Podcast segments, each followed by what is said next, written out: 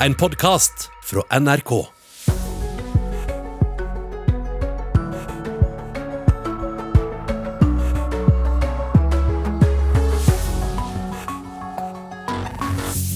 God fredag og god morgen. Grønne aksjefond går mye dårligere enn nå enn det de gjorde i fjor, og lønner seg dermed ikke like mye. Det blir overdrevet, sånn, sånn, akkurat som det ble i teknologi i 2000.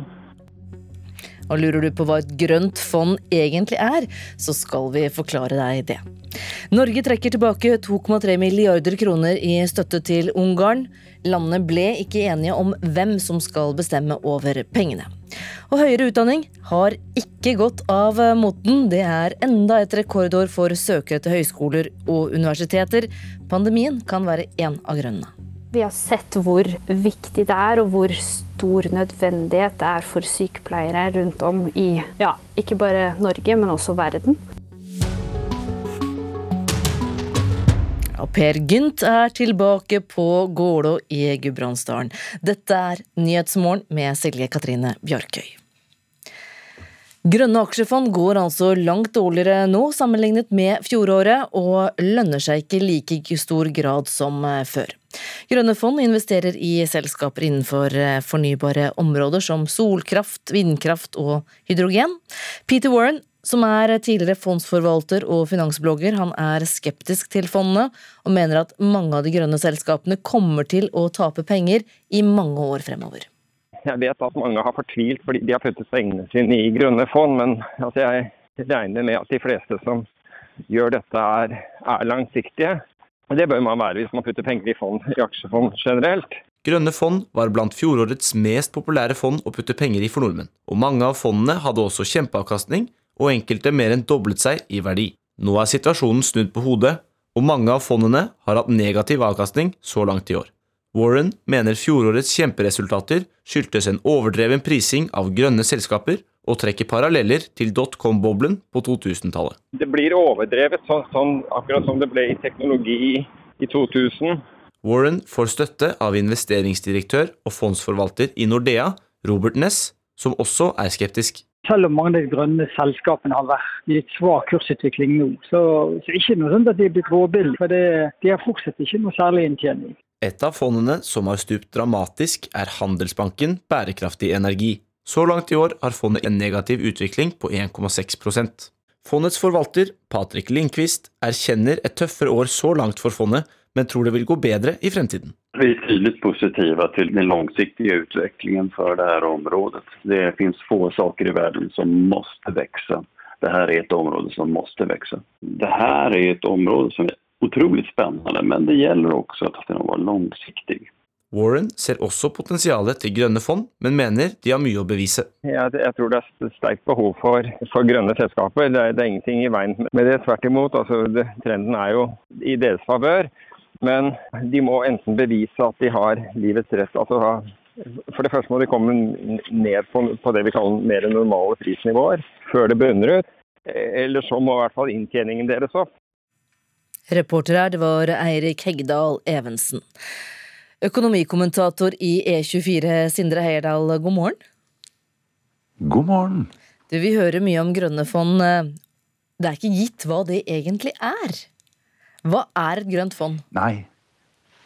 Ja, Det er helt riktig. Det er jo mange begreper som kastes rundt. Både grønt og bærekraftig og ESG, hvis man ser på hva sånne fond heter.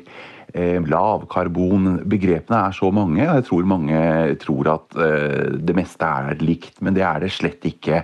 Eh, vi har det som mange nok tenker på med grønne fond. Mørkegrønne fond, om du vil, som da typisk investerer i sol og vind og hydrogen og vannkraft. Og det er jo da veldig fornybart og aktivt med på gi lavere utslipp på kloden. Eh, men det er mange andre fond som også seiler inn under det grønne. Ja, For det er flere nyanser av, grønt, rett og slett?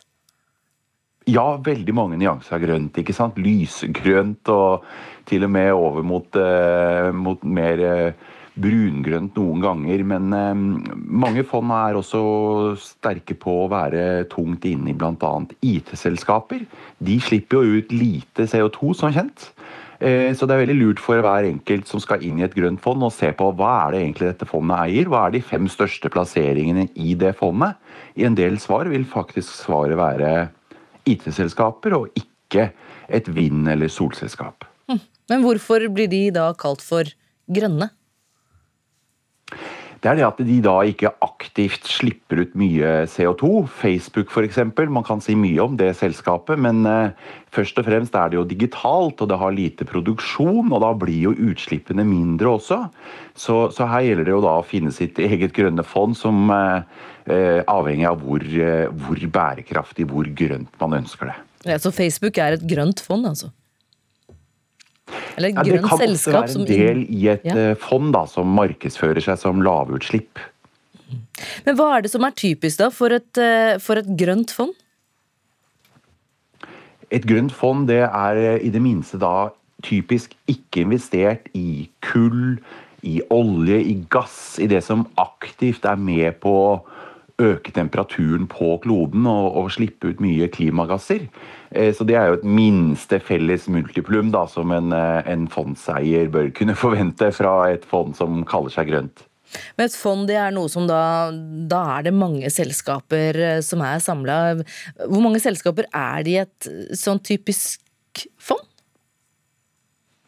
Det kan være alt fra helt under 20 aksjer, selv om det ikke er vanlig, til eh, mange hundre, men typisk så vil du ofte kunne finne en 20-30-40-50 aksjer eh, i et eh, normalt folkefond tilgjengelig for de fleste. Men nå, nå, hører vi jo da at eh, de er ikke like lønnsomme nå som de var i fjor. Hva er det som skjer med de grønne fondene? Ja, Det har vært et enormt skifte ikke sant? fra at mange av disse grønne fondene var ut ekstreme vinnere i fjor og steg mange titalls, eller noen ganger over 100 til at det nå har gått skikkelig dårlig i år. Og flere av dem er fortsatt ned da rundt 20% fra toppen eh, i slutten av januar i år. Og det har å gjøre med at eh, vi har fått en helt sånn endring i hvordan aksjer prises. Eh, og mye henger sammen med frykt for prisgalopp og økte renter. Og da blir mange av disse grønne aksjene, som typisk tjener lite eller ingen penger i dag, de blir mindre verdt fordi Hele prisingen av de aksjene handler om eh, hva man tror om eh, inntjening en gang i framtiden. Og øker rentene, så blir inntjeningen da mindre verdt i dag. Det er litt komplisert, men det handler om er det frykt for rente- og inflasjonsspøkelse, så går det ofte ikke bra med slike vekstaksjer som vi ser nå. I tillegg selvfølgelig så kan det jo godt være at en del av dem var for høyt priset etter en voldsom stigning i fjor. Så det gjelder fortsatt å ikke ha det for travelt hvis du skal investere i fond, altså? Ha god tid på å vente på avkastning? Ja, kanskje. Absolutt, og kanskje særlig de grønne. Det Det er spissede, spesialiserte fond som ikke egner seg for kortsiktig spekulasjon. Da bør man ha veldig lang horisont på sparepengene, helst flere tiår, men iallfall en fem-seks år.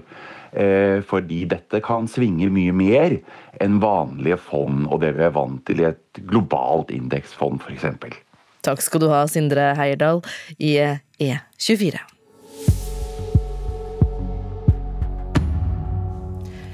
Norge trekker tilbake hele EØS-støtten til Ungarn på 2,3 milliarder kroner. Grunnen er at norske og ungarske myndigheter ikke er enige om hvem som skal kontrollere den delen av pengene som, som skal gå til sivilsamfunnet. Utenriksminister Ine Eriksen Søreide, hvorfor har dere ikke klart å bli enige om hvem som skal kontrollere disse pengene? Vi har to grunnleggende prinsipper som givere. Det ene er at Fondet for sivilt samfunn, som jo skal gå til å støtte opp under sivilt samfunn, demokrati, minoriteter, det skal forvaltes uavhengig av myndighetene. Det kravet gjelder i alle landene som mottar EØS-midler. Det andre er at vi i alle landene også velger den tilbyderen eller den forvalteren som scorer best på et sett med kriterier. Og det er det viktig å understreke, fordi at dette er jo midler vi ønsker skal brukes til å oppnå de målene vi har satt for eh, denne ordninga. Og det er viktige midler, fordi det i mange, mange land så er det nesten de eneste, den eneste økonomiske støtten sivilt samfunn får.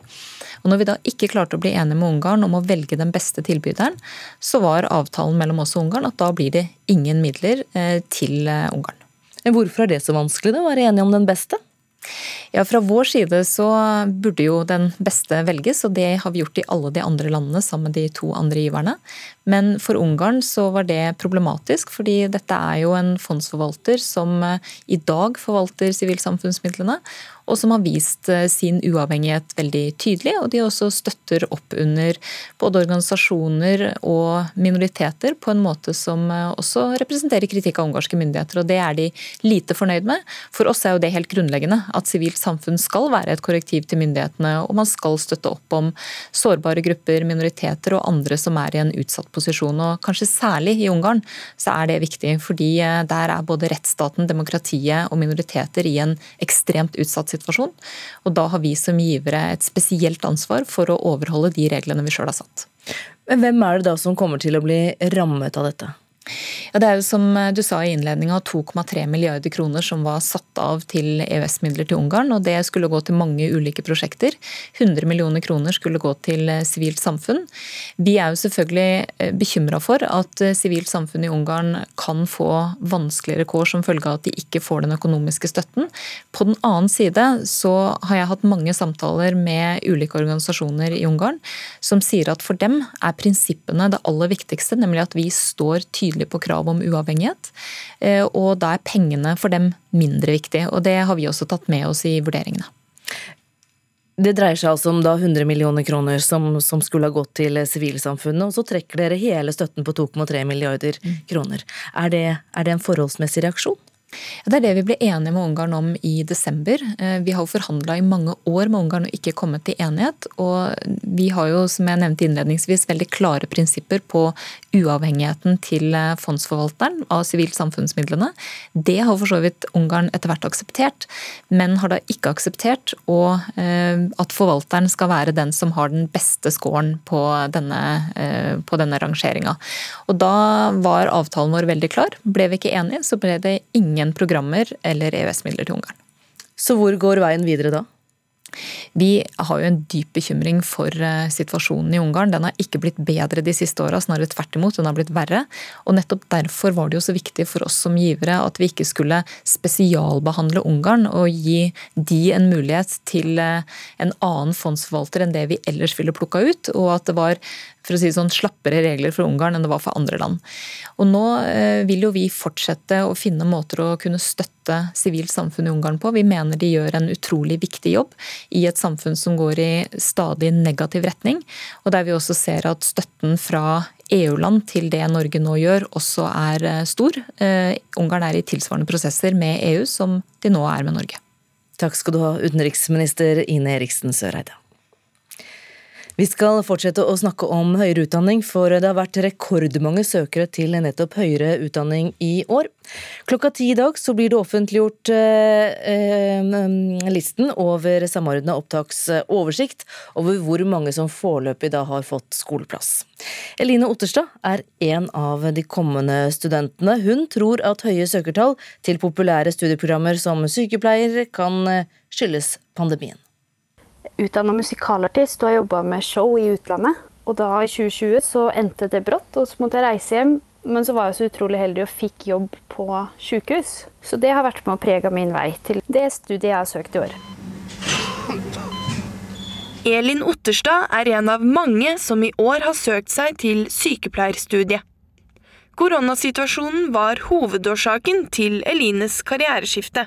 Men hun tror ikke det bare er hennes studievalg pandemien har påvirket. Vi har sett hvor viktig det er, og hvor stor nødvendighet det er for sykepleiere rundt om i ja, ikke bare Norge, men også verden.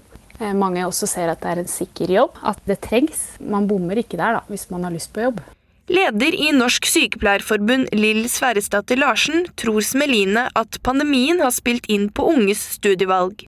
Hun mener koronasituasjonen har synliggjort viktigheten av sykepleieryrket. Jeg tenker Koronapandemien trolig også har vært med på å gjøre folk oppmerksom på at sykepleiere, sykepleierprofesjonen som sådan har en avgjørende betydning for pasienter sin, sin helse, og selvfølgelig også for befolkninga sin beredskap og sikkerhet, som, som har sett under pandemien. Åse Berg Testdal, kommunikasjonssjef i Unit, sier de ser en voksende trend. Søkerne til høyere utdanning er flere enn noen gang.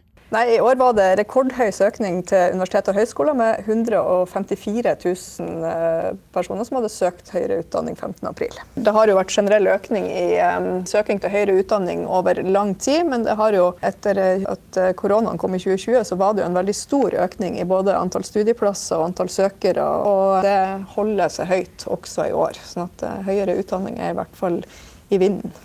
Hvor mange som fikk eller ikke fikk skoleplass i år er ukjent frem til klokken ti i dag.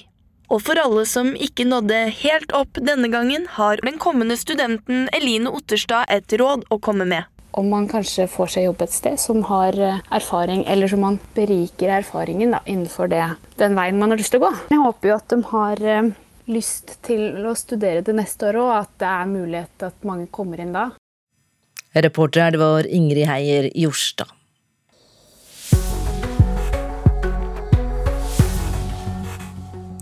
Klokka er eh, straks 19 minutter over sju. Det er Nyhetsmorgen i NRK du hører på. Grønne aksjefond går dårligere enn i fjor og lønner seg ikke i like stor grad. Norge trekker tilbake hele EØS-støtten til Ungarn på 2,3 milliarder kroner. Og hvordan bruke sommerferien best mulig. Ved å fly med paraglider og propell fra Nordkapp til Lindesnes f.eks. Det er kanskje ikke for alle, men følg med, så skal du få møte en som faktisk skal det. Nå til eh, sommer-OL og roing. For eh, sjuende gang har Olav Tufte rodd i et OL, men resultatet ble ikke helt som ønsket. Sammen med Martin Helseth, Erik Solbakken og Oskar Stabe Helvig, så rodde altså 45-åringen eh, dobbeltfirer i natt. De rodde inn til en fjerdeplass, og det betyr at de ikke ble kvalifisert til videre konkurranser og må prøve på nytt på søndag. Tufte var skuffet etter løpet i dag.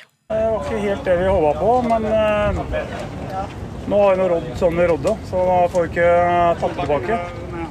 Nå har vi en ny sjanse på søndag, og da må vi bare samle oss. Birgit Skarstein, du deltar snart i Paralympics og er verdensmester i roing selv. God morgen. God morgen, god morgen. Du jobber jo tett med, med herrene som har deltatt i natt. Har du hatt tid til å snakke med dem i dag? Eh, nei, jeg melda litt med dem i går. Det er jo litt spesielle forhold i Tokyo. Vi eh, er jo vanligvis på områder hvor det er lagt til rette for å ro, men det som er spesielt et OL, er jo det at man har arenaer som er der fordi det er et OL der. Eh, og det gjør jo at det er ganske mye vind. Altså, Roarenaen er en vindmøllepark. Så det er ganske mye vind. Det er hav, fordi det er jo en kanal som går rett ut i havet. Det er egentlig en containerhavn, og det er en del bølger. Eh, så vi var litt spent på å se hvordan forholdene kom til å være. Nå var de veldig fine på starten av dagen da Kjetil rodde, og så ble det litt mer eh, choppy når dobbeltfireren var i aksjon. Men alt i alt så så det ut som at de fikk en ganske grei start, da.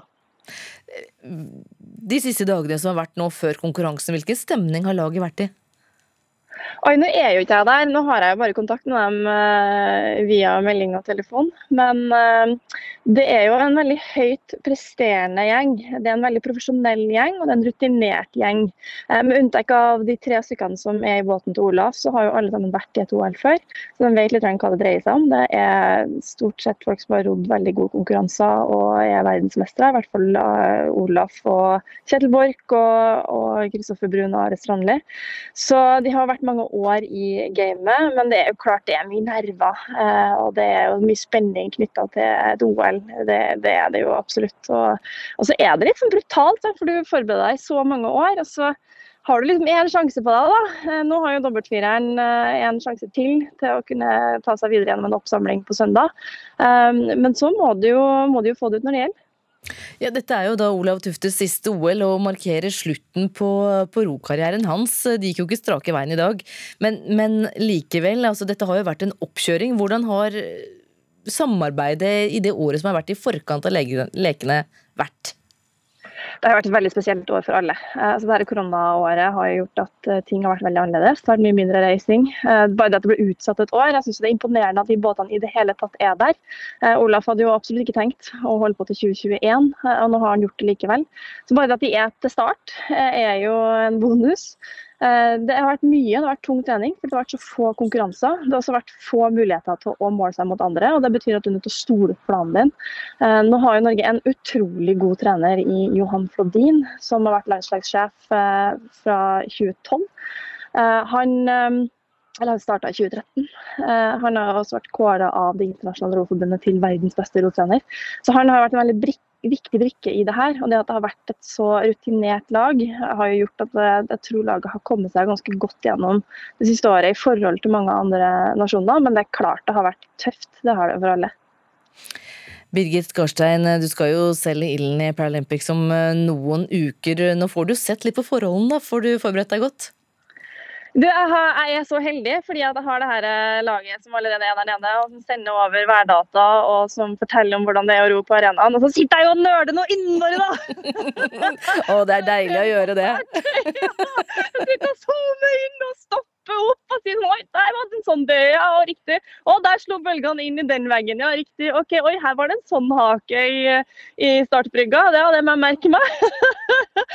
det, men det virker jo som at eh, de har klart å legge ordentlig til rette, da, på tross av alle utfordringene organisasjonskomiteen der nede har hatt. Uh, og de er jo gjennom veldig mye testing. De testes jo hver dag mot korona. Og de forteller jo det også at de får ikke lov til å bevege seg utendørs. De driver og springer gangene på hotellet og sånn, for å få gjort unna den treninga de skal ha. Eh, og så har de alltid med seg en sånn chaperone når de er ute og går eller ute og skal trene eh, innenfor, innenfor, de områdene de har lov til å være i. Ja, Det er ingen det, tvil om at eh, det er et veldig annerledes OL eh, på den måten denne gangen. Birgit Skarstein, vi heier jo på både deg etter hvert og Olav Tufte og de andre nå på søndag når de skal prøve på å kvalifisere seg på nytt. Men du, nå, eh, nå, skal vi slutte å snakke om uh, OL, vi skal snakke om Per Gynt her i Nyhetsmorgen. Forestillingen på Gålå, og du er vel nesten på vei dit uh, selv for å både se forestilling og motta pris. Gleder du deg? Du, Jeg gleder meg veldig. Jeg syns det er utrolig hyggelig. Uh, nå er det en siste økt på Årungen fredag, og så får vi oppover i kveld for å se spillet. Jeg syns jo det er innmari hyggelig å få en sånn utmerkelse eh, av Stortinget. Altså fordi jeg, altså jeg, tenker på det her som at alle de folkevalgte kan være enige om at de vil ha et mer mangfoldig samfunn. Det er i hvert fall det jeg velger å ta det til inntekt for. Eh, at vi trenger den bredden og vi trenger at vi er forskjellige og kan utfylle hverandre. Eh, og enhver anledning til å feire det er jo bare superfint. Takk skal du ha, Birgit Skarstein, og god tur til Gårda. Takk for det.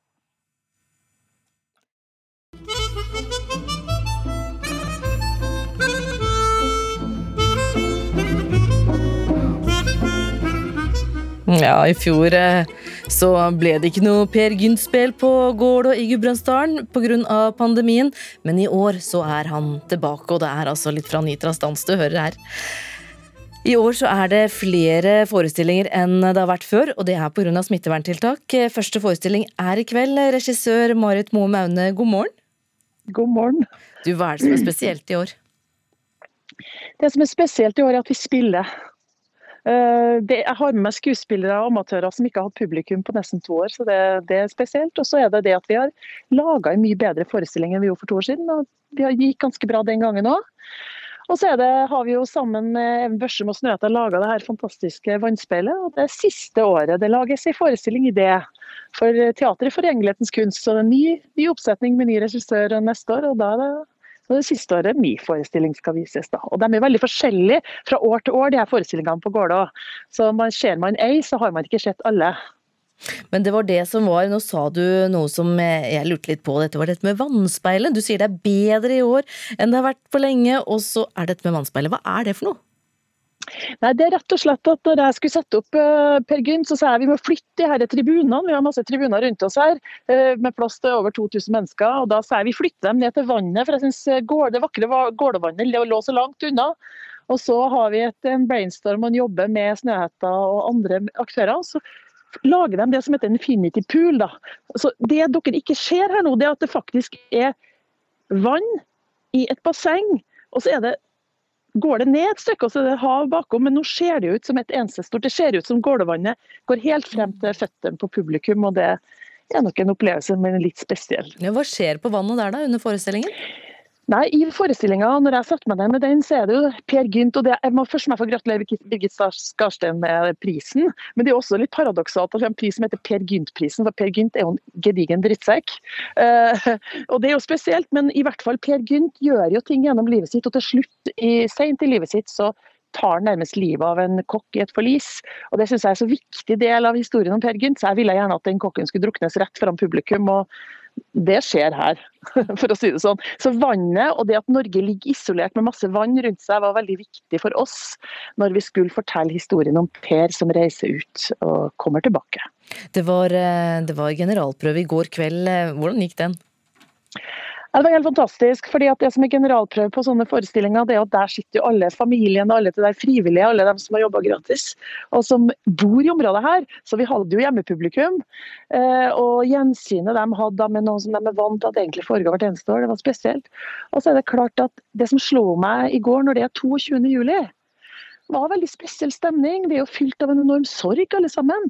Så ser man hva vår nasjonaldikter forteller oss. I 1860 så skriver han et stykke, og den teksten er jo med her, eh, om hvordan han eh, raljerer over den hvite mann som tror han er bedre enn andre nasjonaliteter og andre raser. Hvordan han forteller om hvordan da, dårlige damer blir behandla. Det terroristen prøvde å stoppe, da, med, som gjaldt eh, an, folk med annen kulturell bakgrunn, eller damer og alt det her, det gjør altså vår store nasjonaldikter tar et oppgjør med når skriver det stykket i 1860-åra.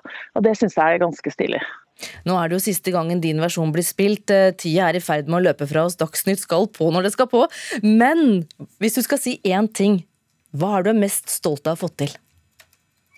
Jeg er veldig stolt over å ha fått til uh, en slags forståelse av stykket. Og så er jeg veldig stolt over at jeg har fått kombinert uh, noe som er min store oppgave, å få kombinert teater og dans og fått med to av mine samarbeidspartnere fra min egentlige arbeidsplass på Nasjonalballetten. Så den blandinga der syns jeg er flott at vi får ut i landet. Regissør Marit Moum Aune, god forestilling, og kos deg i går,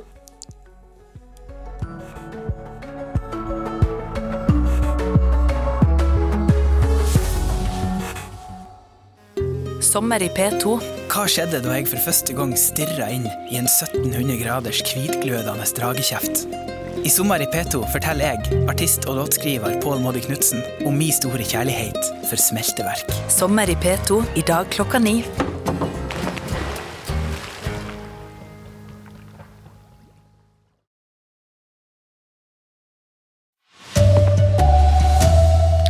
Rekordmange har søkt høyere utdanning. I dag får de vite om de kommer inn. Grønne aksjefond går langt dårligere enn før. Og Norge trekker 2,3 milliarder kroner i EØS-støtte til Ungarn. God morgen. Her er NRK Dagsnytt, klokka er 7.30. Ja, det er altså rekordmange søkere til høyere utdanning i år. Klokka ti i dag offentliggjøres Samordna opptak sin oversikt over hvor mange som foreløpig har fått studieplass. Eline Otterstad er en av de kommende studentene. Hun tror høye søkertall til populære studier som sykepleie kan skyldes koronapandemien. Utdanna musikalartist og har jobba med show i utlandet. Og da i 2020 så endte det brått, og så måtte jeg reise hjem. Men så var jeg så utrolig heldig og fikk jobb på sykehus. Så det har vært med å prege min vei til det studiet jeg har søkt i år. Elin Otterstad er en av mange som i år har søkt seg til sykepleierstudiet. Koronasituasjonen var hovedårsaken til Elines karriereskifte. Men hun tror ikke det bare er hennes studievalg pandemien har påvirket. Vi har sett hvor viktig det er, og hvor stor nødvendighet det er for sykepleiere rundt om i ja, ikke bare Norge, men også verden. Leder i Norsk Sykepleierforbund, Lill Sverresdatter Larsen, tror Smeline at pandemien har spilt inn på unges studievalg. Pandemiåret har vist sykepleien sin eh, særlige funksjon og eh, arbeidsområde og viktig betydning for samfunnet. Åse Berg Testdal, kommunikasjonssjef i Unit, sier de ser en voksende trend. Søkerne til høyere utdanning er flere enn noen gang. Etter at koronaen kom i 2020, så var det en veldig stor økning i både antall studieplasser og antall søkere og kvalifiserte søkere, og det holder seg høyt også i år. Hvor mange som fikk eller ikke fikk skoleplass i år, er ukjent frem til klokken ti i dag.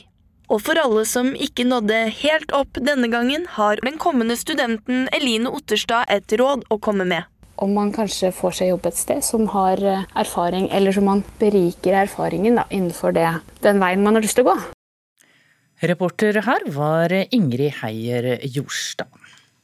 Og når man vel har fått studieplass, så må man ha et sted å bo, og det forsøker noen å utnytte. Studenten som ble svindlet for 40 000 kroner på en falsk nettside, får nå trolig dekket tapet av banken sin. 23 år gamle Emma Monsen gikk, fikk en lenke på tekstmelding. Hun fulgte lenken og logget inn for å bestille visning av en hybel, og vips, så var 40 000 kroner borte. For både nettsiden og innloggingen for bank-ID viste seg å være falske. Hei, du har en invitasjon til visning fra Ida Henriette. Altså bekreft her. På nettstedet hybel.no fant Emma annonsen for en leilighet i Oslo, og kontaktet den som sto som utleier via chatten på nettstedet. Der svarte en person at hun ville bli invitert til visning, og så kom det en tekstmelding med en lenke til en nettside for å reservere visningstid. Denne siden så helt ut som hybel.nos side, og hadde bank-ID-innlogging, slik hybel.no bruker. Så det så veldig ekte ut. Ja, det så sykt ekte ut. Men nettsiden var falsk, og svindlerne kunne bruke det hun hadde skrevet inn i den falske bank-ID-løsningen, personnummer, engangskode og passord, til å logge inn i nettbanken hennes og tømme kontoen for 40 000 kroner. Så er spørsmålet om Emmas bank er villig til å dekke tapet i dette tilfellet. Kommunikasjonsdirektør Tor Christian Haugland i Sparebank1 SR Bank sier det er graden av uaktsomhet som avgjør. Først og fremst er dette her et identitetstyveri.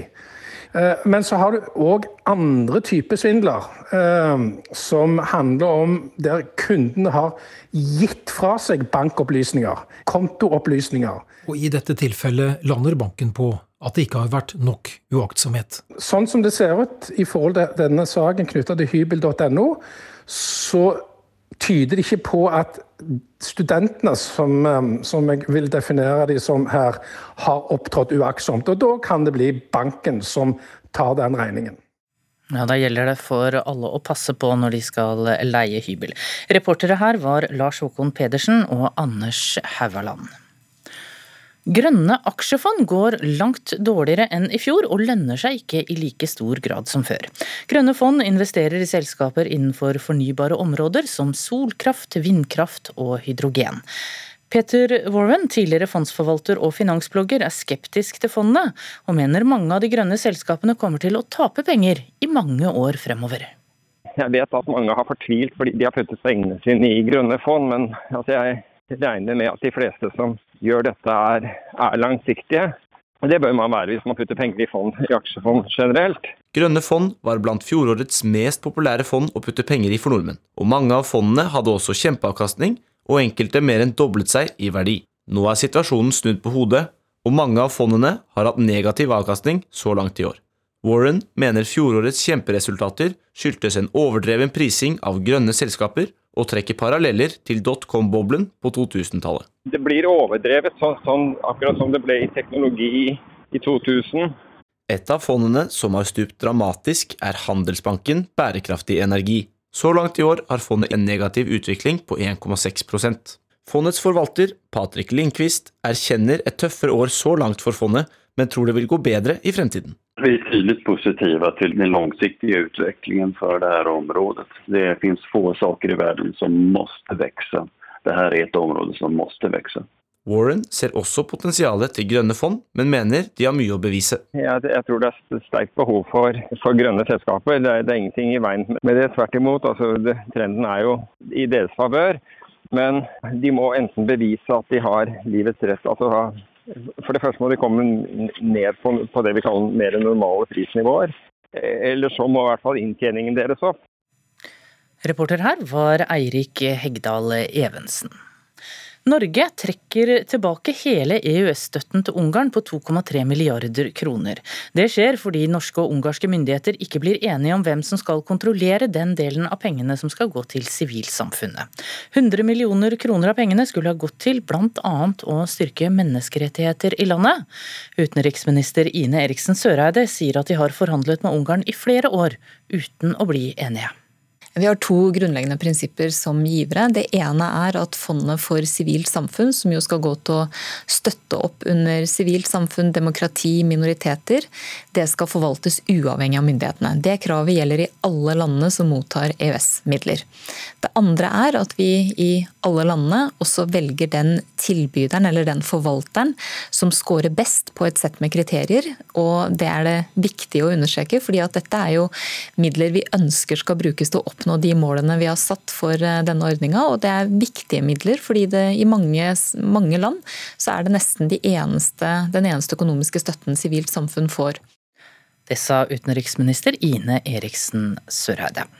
Så om norsk film. Norsk film har jo den siste tiden solt seg i glansen av den store suksessen til filmen 'Verdens verste menneske' under filmfestivalen i Cannes i Frankrike. Men filmens produsent Thomas Robsam frykter at støttesystemet setter en stopper for at Norge skal klare å dyrke frem flere gode filmskapere. Han mener søknadsprosessene for å få penger fra Norsk Filminstitutt tar for lang tid, og hindrer filmskapere i å få god trening til å lage flere filmer enn bare én. Og i og med at man også må skaffe så enormt mye annen finansiering enn det NFI stiller med, så uh, er det disse søknadsfristene og dette at det hele tiden er enkeltprosjekter som vurderes, det, det forhindrer kontinuitet. Det for, forsinker veldig mange karrierer. Robsam har bl.a. produsert 'Verdens verste menneske' og har jobba i bransjen i mange år fokus bør være på hver enkelt filmskaper. Man kan jo prøve å sammenligne det med f.eks. For forfattere. da, Hvis enhver forfatter måtte søke om midler for hver enkelt bok, eller hvis enhver maler eller musiker måtte søke midler for hvert enkelt prosjekt. I stedet nå så går, kanaliseres jo de midlene på en slik måte at det går an for kunstneren å ha kontinuitet. Kjersti Moe er direktør for NFI og sier at de kommer til å fortsette med å satse på utviklinga av nye prosjekt. Men så lager vi jo også noen ordninger som er sånn at du får direkte eh, premiering da, for det du har oppnådd på ditt forrige prosjekt, eller fordi at du har en veldig god gjennomføringsevne over tid.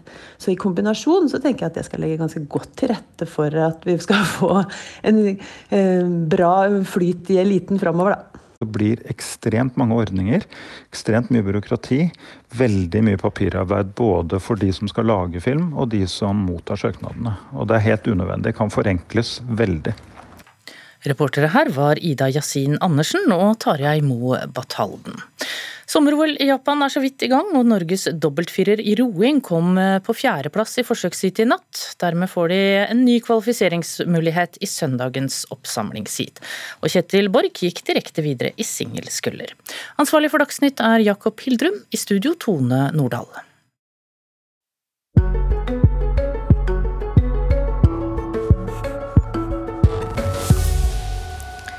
Kviser. Alle har hatt dem men ikke alle har hatt like mye. Bruken av den sterke aknemedisinen isotretintoin er firedoblet nå på ti år, og tidligere denne uka har NRK fortalt om leger som gjerne vil at denne medisinen skal bli mer tilgjengelig til tross for sterke bivirkninger. Maria Andreassen har gått på den sterke aknebehandlingen, og hun har hatt kviseproblemer siden hun gikk på ungdomsskolen. Du ser ingenting annet enn store byller og akne som stikker ut, så du føler deg jo Du, du skammer deg jo. Eh, og det var jo flere ganger jeg sto i dusjen og hadde lyst til å ta barberhøvelen og bare barbere bort, for du blir, så, du blir så desperat. Nå synes Maria det er greit å gå på kafé i Harstad, men slik har det ikke alltid vært. Maria har slitt i mange år med alvorlige kviseproblemer. Jeg hadde jo eh, alvorlig grad av akne. Sånn at jeg hadde ikke bare små kviser, men store byller i ansiktet eh, som stakk ut. Eh, langs hele kinnet her, langs hele kinnet her. I panna hadde jeg et såkalt horn som stakk ut, som jeg ennå har etter. Eh, det var ganske alvorlig. Jeg kunne ikke sove med hodet på sida. Eh, kunne ikke ta på det, for det var veldig ømt måtte dra til legen for å sprenge dem. altså Hun brukte å stikke inn ei nål for å ja, få de bort. da. For å behandle problemene som de Maria har, er det mange som begynner på medisinen isotretinoin. NRK har tidligere denne uka fortalt om en firedobling i bruken av den sterke aknemedisinen siden 2010. For Maria var behandlingen den eneste løsningen. Men hun advarer om overdreven bruk. Jeg var så desperat. Jeg hadde prøvd alt. Eh, vi hadde brukt masse, masse penger på behandlinger og kremer som ikke fungerte. Eh, sånn at da var jo siste løsninga å dra til lege og få råd om hva vi bør gjøre. For min del så Jeg visste jo ingenting om isotretinoin når jeg var 17. Altså. Og selvfølgelig fikk vi jo beskjed om at man må bruke prevensjon, for det er ekstremt skadelig for fosteret. Du må ta jevnlige blodprøver, men fikk ikke beskjed om bivirkninger som depresjon eller nedstemthet, at du kan få selvmordstanker, de litt mer alvorlige bivirkningene. Som Maria forteller, kommer aknemedisinen med en rekke bivirkninger. Det kan være svært uttørkende og skadelig for fosteret. Leger som NRK har snakket med, sier at man ser en sammenheng mellom mennesker som har akneproblemer og psykiske lidelser. Det man ikke vet, er om det er akneproblemene eller medisinen i seg selv som forårsaker den psykiske belastningen. Og så må man tenke på at jeg var allerede sårbar. Jeg hadde dårlig selvtillit. Jeg var på en dårlig plass. Eh, sånn at, at jeg fikk den medisinen og havna inn i de prosentene som får, går inn i en alvorlig depresjon. Det var ja, ganske dårlig tid. Eh, og ikke noe vi var opplyst godt nok om. Jeg synes at eh, den terskelen for å gi det ut isotretinoin til unge, det, det, bør ikke være noe man tar lett på. I dag er Maria aknefri, etter to runder med behandlingen. Hun avslutta siste kur for to år siden, men sitter fortsatt igjen med bivirkninger. Jeg tørka jo ut både i, på leppe, øye, nese. Eh, og det her er da på andre runde i voksen alder på isotretinoin. Eh, og nå sitter jeg igjen med konstant tørr nese som ikke kommer til å bli noe bedre med det første. Så du har faktisk fortsatt bivirkninger, selv om du ikke går på det nå? Ja, og det sier jo litt om hvor sterk medisin er. Reportere her det var Veronica Tunasj og Anne Sofie Rønfeldt.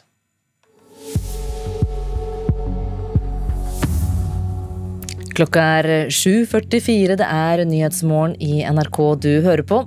Blant hovedsakene våre i denne morgen så er at rekordmange har søkt høyere utdanning. I dag får de vite om de kommer inn. Grønne aksjefond de går langt dårligere enn før, og Norge trekker 2,3 milliarder kroner i EØS-støtte til Ungarn. Og det gjør de fordi man er uenige om hvem som skal styre pengene. Klokka nærmer seg altså kvart på åtte. Det betyr at det er klart for sommerkvarteret nå. I dag får du møte SVs Kari Elisabeth Kaski fra SV, altså. Hun blir intervjuet av Andrea Ånestad.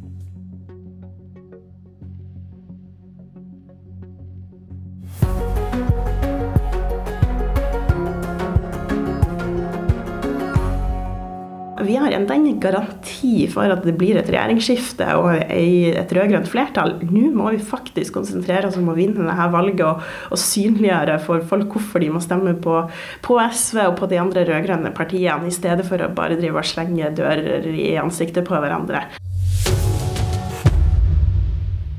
Kari Elisabeth Kaski, finanspolitisk talsperson for SV og førstekandidaten her i Oslo for SV.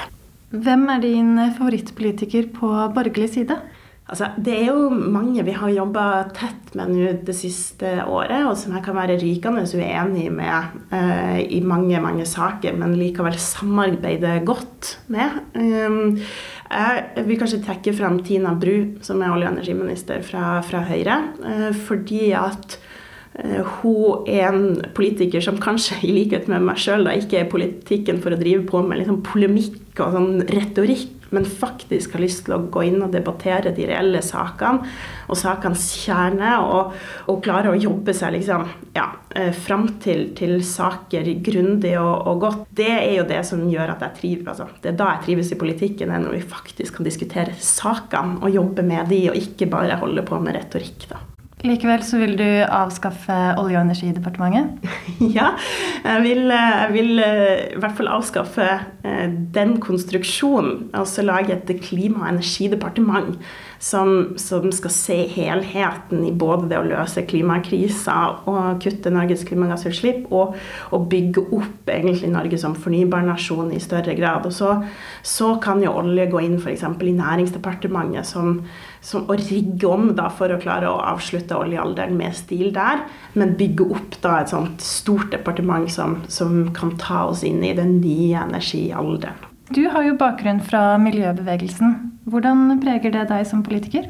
Jeg tenkte jo da jeg gikk eh, fra miljøbevegelsen og inn i partipolitikken og inn eh, i, SV, at det var viktig å ikke bare ha miljøvernere eh, på utsida av Stortinget, som demonstrerte, som jeg har gjort veldig mange ganger, men også på innsida av Stortinget. Og det er det jeg forsøker å være. Jeg forsøker å være en, en representant for miljøbevegelsen og en miljøaktivist inne på Stortinget som som passer på å tenke på klima og natur eh, ved hver korsvei, og som tar, tar de kampene. I SV er det enkelt å, å kunne gjøre. og eh, Sørge for at eh, vi har en klar plan for hvordan vi skal kutte klimagassutslippene i Norge med 70% inn mot 2030, og hvordan vi skal lykkes med det rettferdige grønne skiftet. Så, så, jeg, så jeg, prøver å, å være den miljøverneren som jeg, som jeg var, og som jeg er også i politikken. da.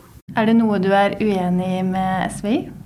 Ja, altså absolutt. Og det, det, sier jeg jo til alle folk jeg møter som liksom vurderer om de skal melde seg inn i et politisk parti eller bli med i SV, at vi er jo ikke eh, enig med alt det som partiet står, i, eller, står for, eller, eller, kan mene at man skulle ha liksom vinkla ting litt annerledes. Eh, det har jo vært ganske åpent at jeg skulle ønske at vi eh, hadde et litt annet standpunkt på vindkraft f.eks., vært mer positiv til det. Eh, men syns at vi landa et greit kompromiss på landsmøtet vårt. Og det, sånn er politikken. Vi, vi liksom kan være rykende uenige inn mot et landsmøte. Og så eh, lander vi et kompromiss som, som, vi kan gå videre med. Og, og, sånn er det. Det er på en måte både prisen og gevinsten av å være mange mange tusen mennesker som skal jobbe sammen for, for de store overordna målene som, som vi er enige om. Da. Og så ville du bli nestleder i SV. Det ble du ikke. Nei, eh, jeg ble ikke det. det ble, partiet ville ha Torgeir Knag Fylkesnes eh, som nestleder i stedet. Og sånn, sånn er det i, i, partipolitikken, og han gjør en kjempegod jobb som nestleder. Og jeg har trivdes veldig godt i den rollen som, som jeg har fått, og vi jobber jo godt sammen i det daglige. Og, og det Eh, jeg tenker jo at man skal jo ha litt ambisjoner når man er i politikken for de sakene som man brenner for. Og det, det hadde jeg, og det har jeg fortsatt. Så, så at, jeg ikke, at, jeg ikke, fikk det vervet, lever jeg, lever jeg godt med. Jeg syns at partiet har kommet godt, eh, godt ut av det. Mm. Vil du prøve å bli nestleder neste gang? Nei, det, eh, det får tida vise, men det tror jeg ikke. Og vi har to veldig gode nestledere nå, i, i Torgeir og Kirsti, som, som gjør gode jobber for, for partiet. Og jeg tenker at nå er vi liksom Nå skal vi inn i et stortingsvalg. Jeg kjenner at det er enormt deilig å bruke liksom mental kapasitet og arbeidskapasiteten min på å jobbe utadretta med de politiske sakene våre og jobbe for å få gjennomslag for de, og at SV skal bli størst mulig framfor på en måte, interne prosesser da, i SV. Hvem vil du helst sitte i regjering med? Jeg har jo lyst til at vi skal få på plass ei rød-grønn regjering etter valget med tydelig fotfeste på, på venstresida av norsk politikk. Og, og, vi holder jo døra åpen egentlig for, for alle sammen. Både Arbeiderpartiet og Senterpartiet og Miljøpartiet og Rødt.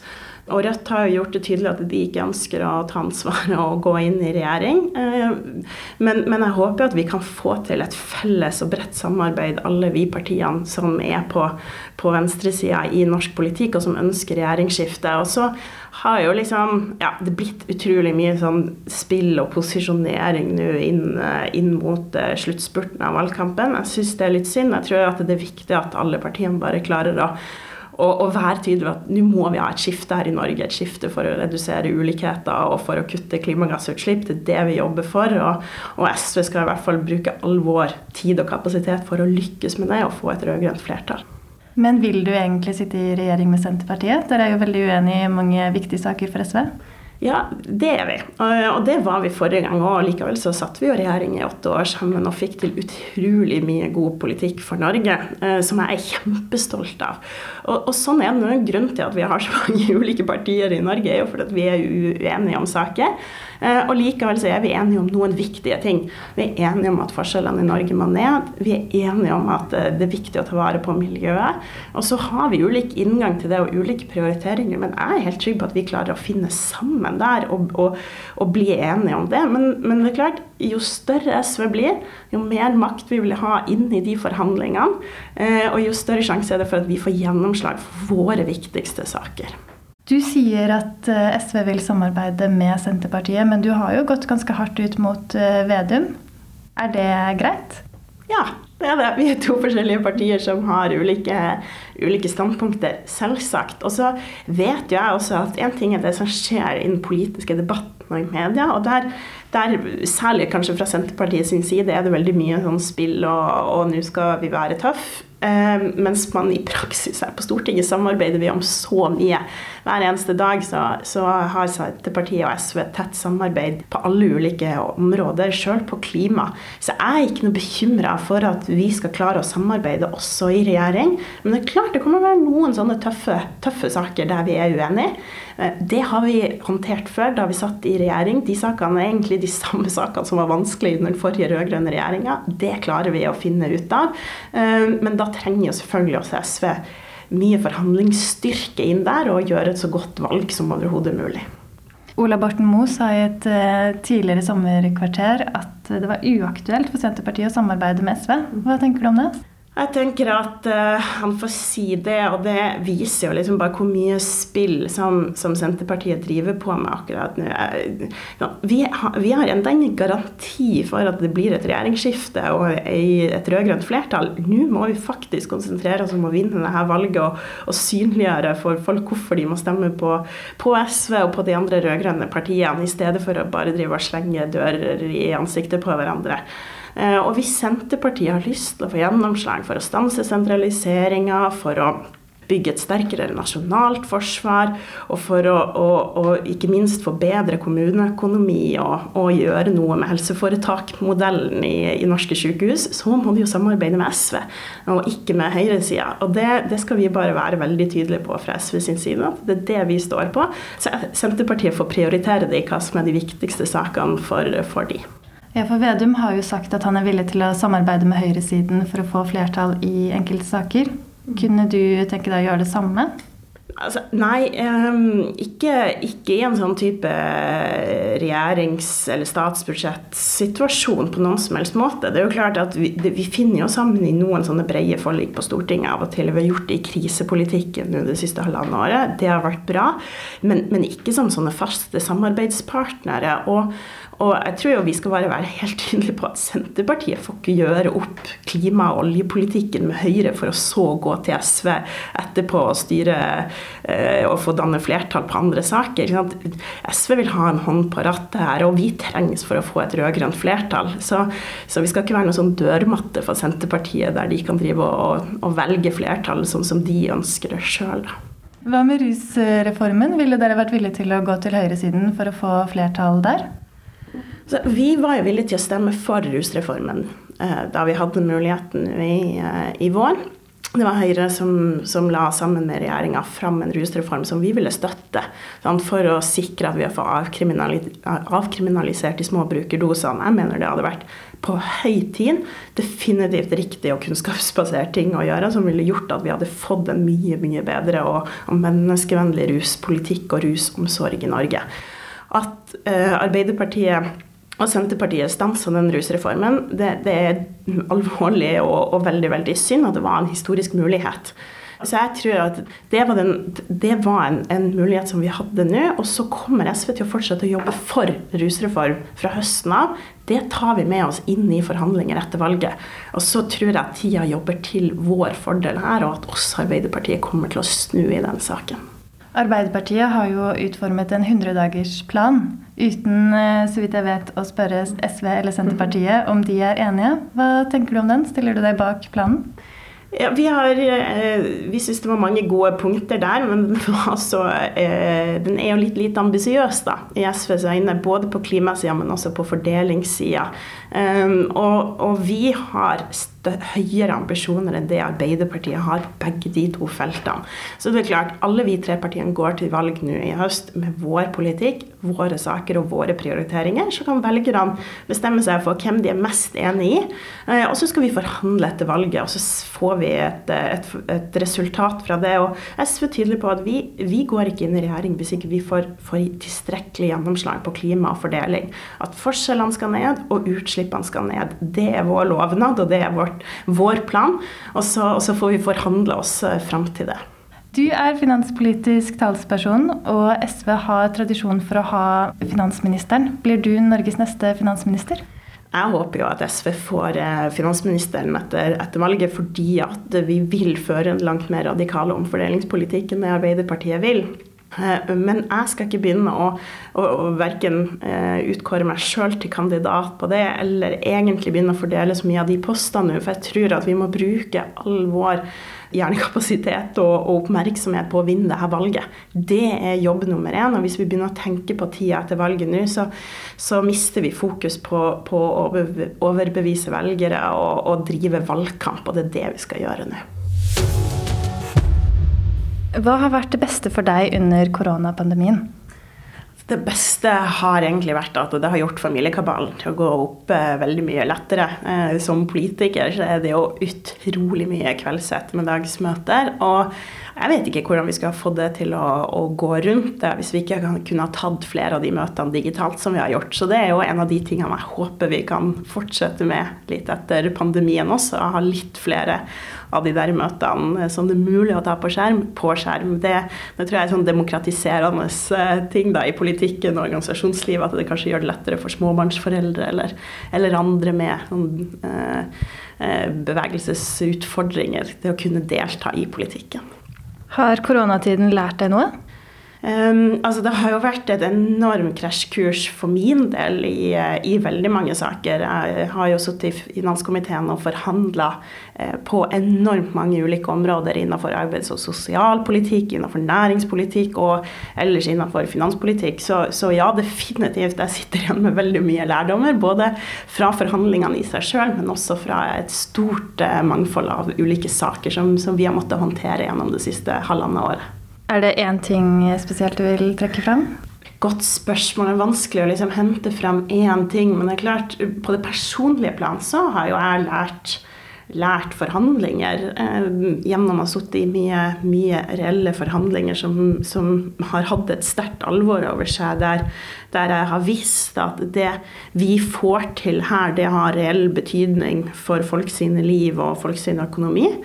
Og så har det vært eh, eh, veldig mye viktig lærdom, mener jeg, da, i de krisepakkene som, som, Stortinget har vedtatt for næringslivet. For der, der, mener jeg at vi har gjort oss noen reelt viktige lærdommer som vi må høste videre framover i hvordan vi møter kriser, og, og klarer å sikre at eh, staten og fellesskapet ikke tar hele regninga og hele risiko, mens det er private eiere som får gevinsten. Det har skjedd i for stor grad nå, og det må vi aldri gjøre igjen.